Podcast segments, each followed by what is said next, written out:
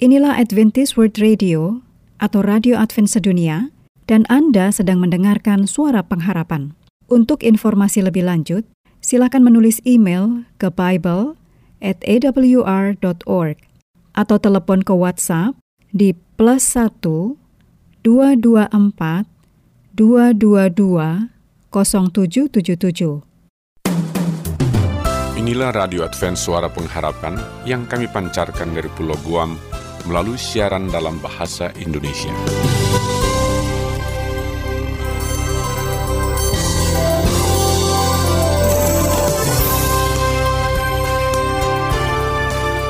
Salam sejahtera kami ucapkan kepada pendengar setia kami di mana pun Anda berada. Selamat berjumpa kembali dengan kami, Radio Advent Suara Pengharapan.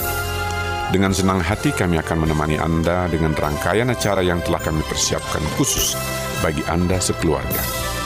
Harapan kami, semoga siaran ini dapat bermanfaat dan menjadi berkat bagi Anda semua.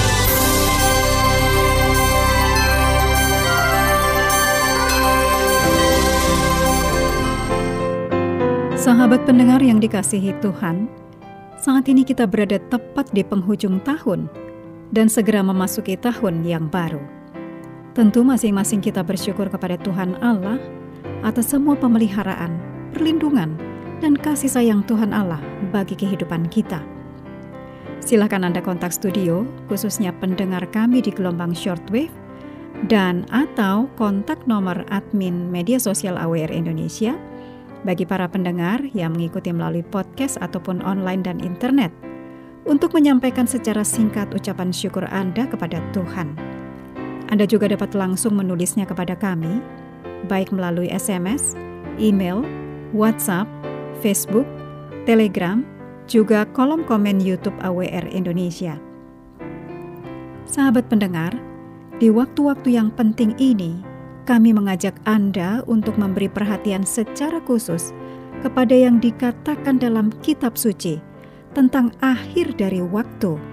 Bukan saja akhir dari sebuah tahun seperti ini, tetapi akhir dari zaman, akhir dari sejarah dunia, akhir zaman. Mari simak dan camkan baik-baik perkataan Yesus sendiri untuk kita semua. Ketika Yesus duduk di atas bukit Zaitun, datanglah murid-muridnya kepadanya untuk bercakap-cakap sendirian dengan dia. Kata mereka, Katakanlah kepada kami, bila manakah itu akan terjadi dan apakah tanda kedatanganmu dan tanda kesudahan dunia? Jawab Yesus kepada mereka, Waspadalah, supaya jangan ada orang yang menyesatkan kamu. Sebab banyak orang akan datang dengan memakai namaku dan berkata, Akulah Mesias, dan mereka akan menyesatkan banyak orang. Kamu akan mendengar deru perang atau kabar-kabar tentang perang namun berawas-awaslah, jangan kamu gelisah. Sebab semuanya itu harus terjadi, tetapi itu belum kesudahannya. Sebab bangsa akan bangkit melawan bangsa, dan kerajaan melawan kerajaan. Akan ada kelaparan dan gempa bumi di berbagai tempat. Akan tetapi, semuanya itu barulah permulaan penderitaan menjelang zaman baru. Pada waktu itu, kamu akan diserahkan supaya disiksa, dan kamu akan dibunuh dan akan dibenci semua bangsa oleh karena namaku. Dan banyak orang akan murtad, dan mereka akan saling menyerahkan dan saling membenci. Banyak nabi palsu akan muncul dan menyesatkan banyak orang. Dan karena makin bertambahnya kedurhakaan, maka kasih kebanyakan orang akan menjadi dingin. Tetapi orang yang bertahan sampai pada kesudahannya akan selamat. Dan Injil Kerajaan ini akan diberitakan di seluruh dunia menjadi kesaksian bagi semua bangsa. Sesudah itu, barulah tiba kesudahannya.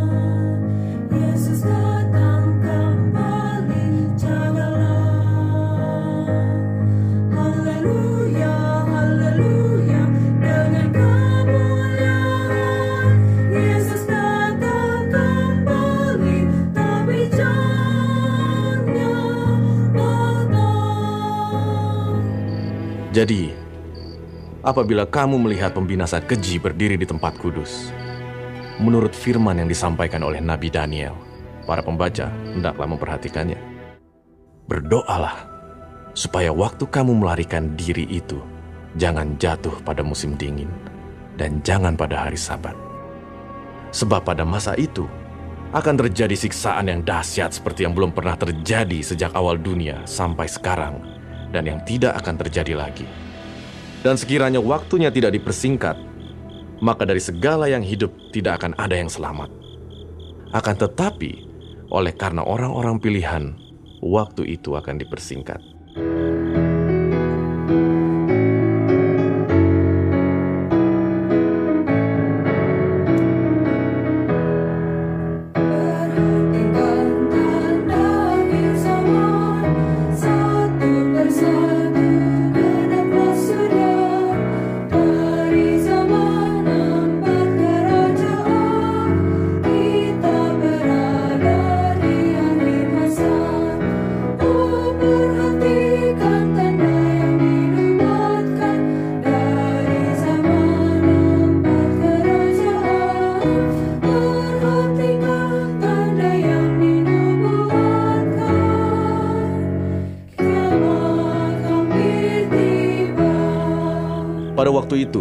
Jika orang berkata kepada kamu, "Lihat, Mesias ada di sini," atau "Mesias ada di sana," jangan kamu percaya. Sebab Mesias-Mesias palsu dan nabi-nabi palsu akan muncul dan mereka akan mengadakan tanda-tanda yang dahsyat dan mujizat-mujizat sehingga sekiranya mungkin mereka menyesatkan orang-orang pilihan juga. Camkanlah, aku sudah mengatakannya terlebih dahulu kepadamu. Jadi, apabila orang berkata kepadamu, "Lihat, ia ada di padang gurun," janganlah kamu pergi ke situ. Atau, "Lihat, ia ada di dalam bilik," janganlah kamu percaya. Sebab sama seperti kilat memancar dari sebelah timur dan melontarkan cahayanya sampai ke barat, demikian pula lah kelak kedatangan anak manusia.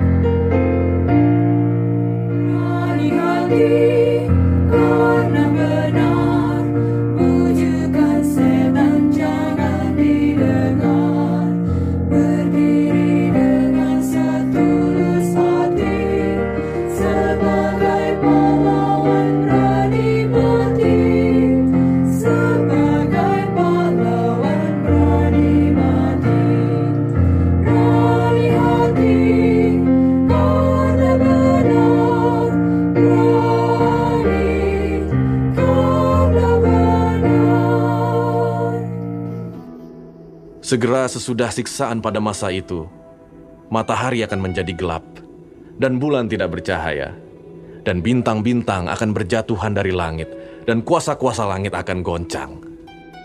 Pada waktu itu, akan tampak tanda anak manusia di langit, dan semua bangsa di bumi akan meratap, dan mereka akan melihat anak manusia itu datang di atas awan-awan di langit, dengan segala kekuasaan dan kemuliaannya dan ia akan menyuruh keluar malaikat-malaikatnya dengan meniup sangkakala yang dahsyat bunyinya dan mereka akan mengumpulkan orang-orang pilihannya dari keempat penjuru bumi dari ujung langit yang satu ke ujung langit yang lain.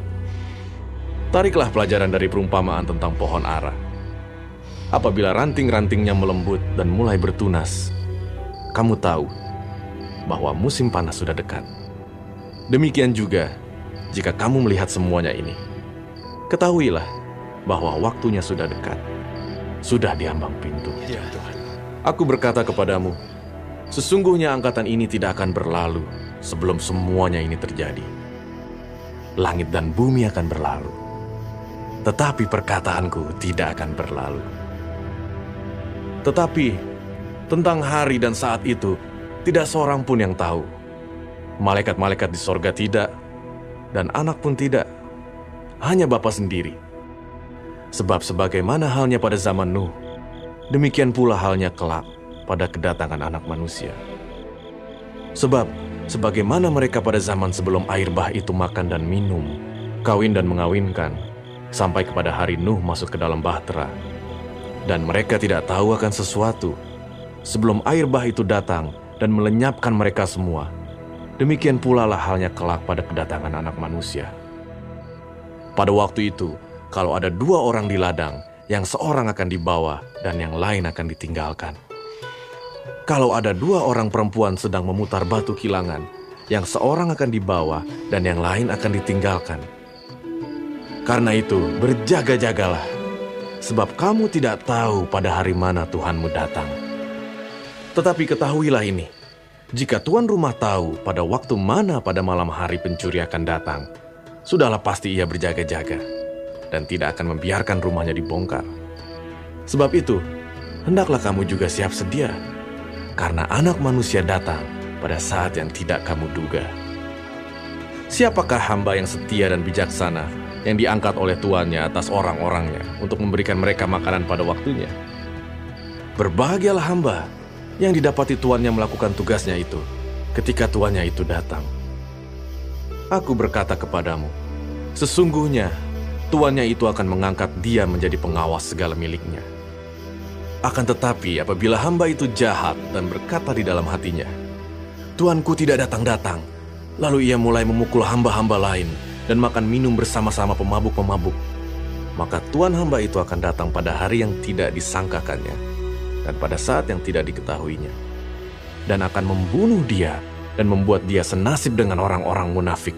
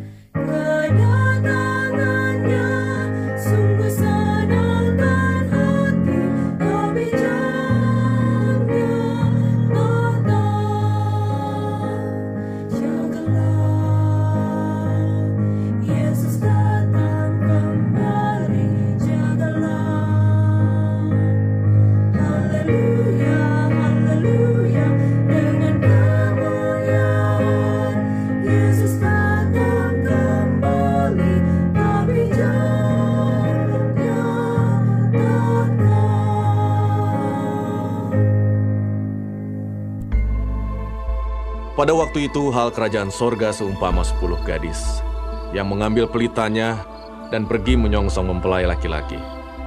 Lima di antaranya bodoh dan lima bijaksana. Gadis-gadis yang bodoh itu membawa pelitanya, tetapi tidak membawa minyak. Sedangkan gadis-gadis yang bijaksana itu membawa pelitanya dan juga minyak dalam buli-buli mereka. Tetapi karena mempelai itu lama tidak datang-datang juga, mengantuklah mereka semua lalu tertidur. Waktu tengah malam, terdengarlah suara orang berseru. Mempelai datang, songsonglah dia. Gadis-gadis itu pun bangun semuanya lalu membereskan pelita mereka. Gadis-gadis yang bodoh berkata kepada gadis-gadis yang bijaksana, Berikanlah kami sedikit dari minyakmu itu, sebab pelita kami hampir padam. Tetapi jawab gadis-gadis yang bijaksana itu, Tidak, nanti tidak cukup untuk kami dan untuk kamu. Lebih baik kamu pergi kepada penjual minyak dan beli di situ.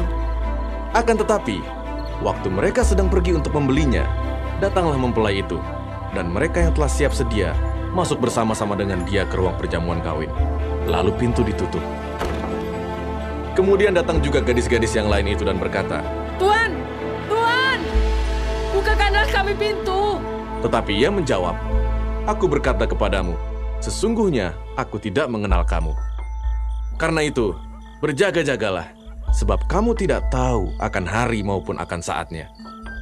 Sebab hal kerajaan sorga sama seperti seorang yang mau bepergian ke luar negeri, yang memanggil hamba-hambanya dan mempercayakan hartanya kepada mereka. Yang seorang diberikannya lima talenta, yang seorang lagi dua, dan yang seorang lain lagi satu, masing-masing menurut kesanggupannya. Lalu ia berangkat.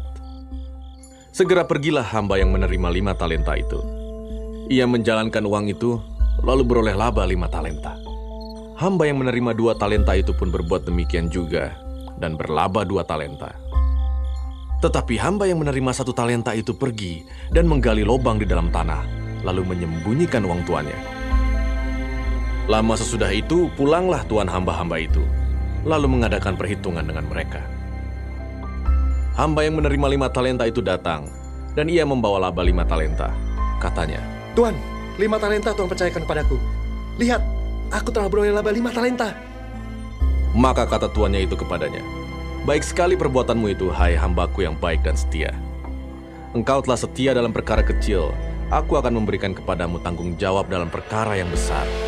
Masuklah dan turutlah dalam kebahagiaan Tuanmu. Lalu datanglah hamba yang menerima dua talenta itu, katanya. Tuan, dua talenta Tuhan percayakan kepadaku. Lihat, aku telah beroleh laba dua talenta. Maka kata tuannya itu kepadanya, Baik sekali perbuatanmu itu, hai hambaku yang baik dan setia. Engkau telah setia memikul tanggung jawab dalam perkara yang kecil. Aku akan memberikan kepadamu tanggung jawab dalam perkara yang besar. Masuklah dan turutlah dalam kebahagiaan Tuanmu. Kini, datanglah juga hamba yang menerima satu talenta itu dan berkata, Tuan, aku tahu bahwa Tuhan adalah manusia yang kejam yang menuai di tempat di mana Tuhan tidak menabur. Dan yang memungut dari tempat di mana Tuhan tidak menanam. Karena itu, aku takut dan pergi menyembunyikan talenta Tuhan itu di dalam tanah. Ini, terimalah kepunyaan Tuhan. Maka jawab tuannya itu, Hai kamu hamba yang jahat dan malas, jadi kamu sudah tahu bahwa aku menuai di tempat di mana aku tidak menabur dan memungut dari tempat di mana aku tidak menanam. Karena itu sudahlah seharusnya uangku itu kau berikan kepada orang yang menjalankan uang, supaya sekembaliku aku menerimanya serta dengan bunganya. Sebab itu, ambillah talenta itu daripadanya, dan berikanlah kepada orang yang mempunyai sepuluh talenta itu. Karena setiap orang yang mempunyai, kepadanya akan diberi, sehingga ia berkelimpahan. Tetapi siapa yang tidak mempunyai, apa pun juga yang ada padanya, akan diambil daripadanya. Dan campakkanlah hamba yang tidak berguna itu ke dalam kegelapan yang paling gelap. Di sanalah akan terdapat ratap dan kertak gigi. Apabila anak manusia datang dalam kemuliaannya, dan semua malaikat bersama-sama dengan dia, maka ia akan bersemayam di atas tahta kemuliaannya. Lalu semua bangsa akan dikumpulkan di hadapannya, dan ia akan memisahkan mereka seorang daripada seorang. Sama seperti gembala memisahkan domba dari kambing. Dan ia akan menempatkan domba-domba di sebelah kanannya, dan kambing-kambing di sebelah kirinya. Dan raja itu akan berkata kepada mereka yang di sebelah kanannya, Mari, hai kamu yang diberkati oleh Bapakku. Terimalah kerajaan yang telah disediakan bagimu sejak dunia dijadikan. Sebab ketika aku lapar, kamu memberi aku makan. Ketika aku haus, kamu memberi aku minum. Ketika aku seorang asing, kamu memberi aku tumpangan. Ketika aku telanjang, kamu memberi aku pakaian. Ketika aku sakit, kamu melawat aku. Ketika aku di dalam penjara, kamu mengunjungi aku. Maka orang-orang benar itu akan menjawab dia, katanya. Tuhan, bila manakah kami melihat engkau lapar dan kami memberi engkau makan? Atau haus dan kami memberi engkau minum?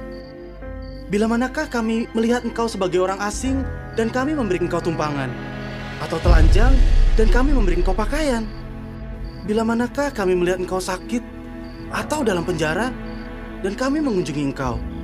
Dan raja itu akan menjawab mereka, Aku berkata kepadamu, sesungguhnya segala sesuatu yang kamu lakukan untuk salah seorang dari saudaraku yang paling hina ini, kamu telah melakukannya untuk aku.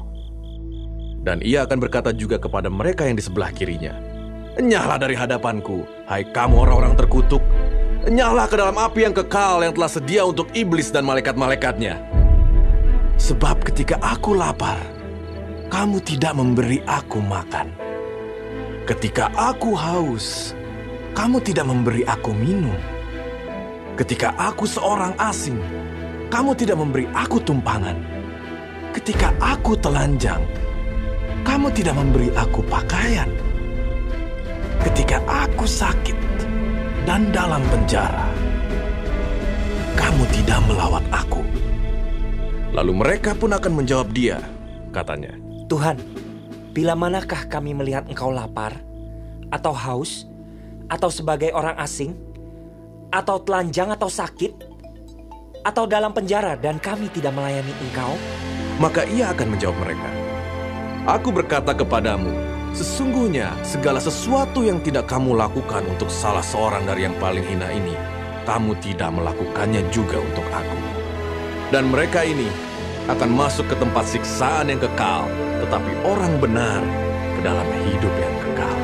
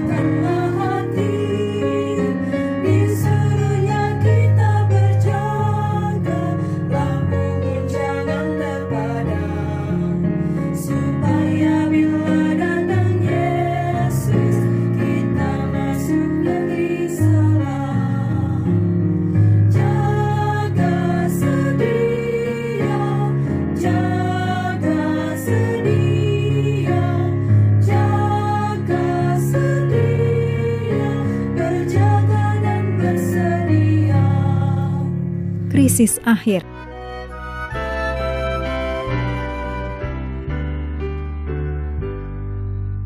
Yesus mengatakan kepada murid-muridnya dan kepada kita, "Karena itu, pergilah, jadikanlah semua bangsa muridku, dan baptislah mereka dalam nama Bapa dan Anak dan Roh Kudus, dan ajarlah mereka melakukan segala sesuatu yang telah kuperintahkan kepadamu. Dan ketahuilah, aku menyertai kamu senantiasa sampai kepada akhir zaman." Matius 28 ayat 19 dan 20.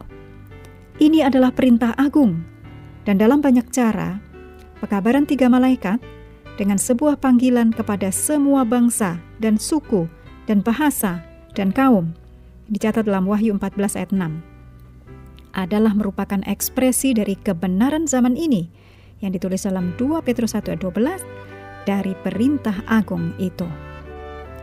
Dalam 1 Yohanes 4 ayat 8, 2 Petrus 3 ayat 9, 1 Timotius 2 ayat 4, dan kejadian 12 ayat 3 dijelaskan mengapa setiap kelompok manusia penting bagi Allah. Kasih Kristus adalah untuk semua manusia, tanpa ada kelompok orang yang dikecualikan. Berlawanan dengan teologi yang mengajarkan bahwa Kristus mati hanya untuk satu golongan elit yang sudah ditakdirkan, kitab suci sangat jelas menyatakan bahwa kematian Kristus adalah untuk semua orang, terlepas dari ras, suku, atau faktor lainnya. Jika Anda adalah seorang manusia, maka Kristus mati bagi diri Anda. Titik. Yang jadi pertanyaan bagi setiap orang adalah bagaimana Anda merespon kematian Kristus.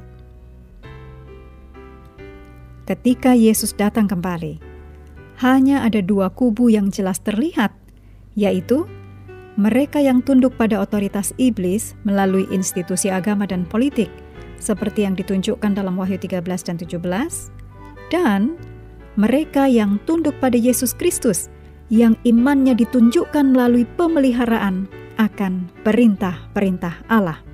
Dicatat dalam Wahyu 14 ayat 12. Sejak awal, umat manusia telah memiliki bukti tentang siapakah Allah dan tentang jalan kebenaran dan kasih-Nya. Dalam Roma 1 ayat 18 sampai 21. Karena itu, semua manusia dari waktu yang lampau akan diadili berdasarkan bagaimana mereka bekerja sama dengan Allah dan menghidupkan kehidupan mereka terlepas dari berapa banyak yang mereka mengerti atau tidak mengerti. Ini dijelaskan dalam Roma 2 ayat 11 sampai 16. Tetapi pada zaman akhir ini ada sebuah proses yang berkembang. Dan kebebasan hati nurani tidak lagi dihargai. Orang-orang akan dipaksa untuk menggabungkan diri mereka dengan pihak iblis. Hal ini sangat mendesak sehingga Injil harus dikabarkan dan berita serius tentang strategi iblis harus dibuka.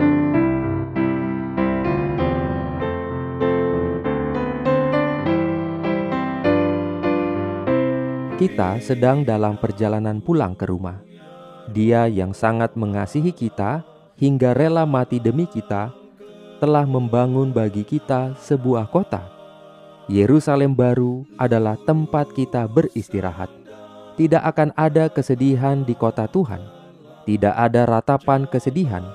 Tidak ada nyanyian harapan yang hancur dan kasih sayang yang terkubur yang akan selalu terdengar. Segera pakaian kemalangan akan diganti dengan pakaian pesta.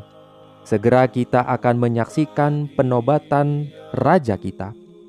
Mereka yang hidupnya tersembunyi bersama Kristus, mereka yang di bumi ini telah berjuang dalam perjuangan iman yang baik, akan bersinar dengan kemuliaan penebus dalam kerajaan Allah.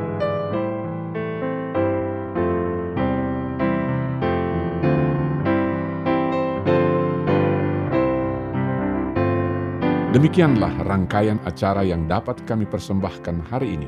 Dan apabila Anda mempunyai pertanyaan atau ingin mendapat pelajaran Alkitab, silahkan menghubungi kami telepon 0821 1061 1595. Alamat email awrindonesia at.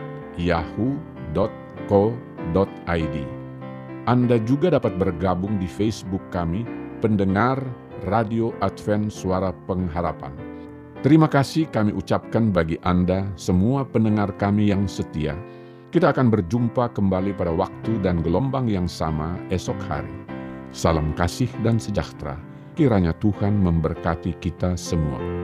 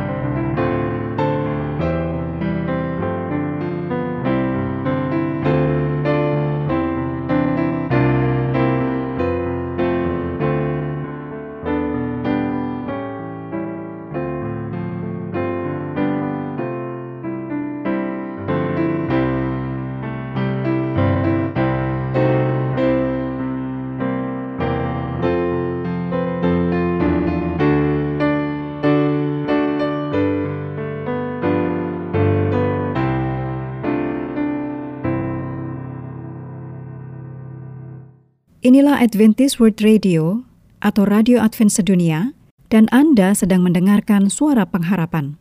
Untuk informasi lebih lanjut, silakan menulis email ke bible at awr.org atau telepon ke WhatsApp di plus 1 224 222 0777.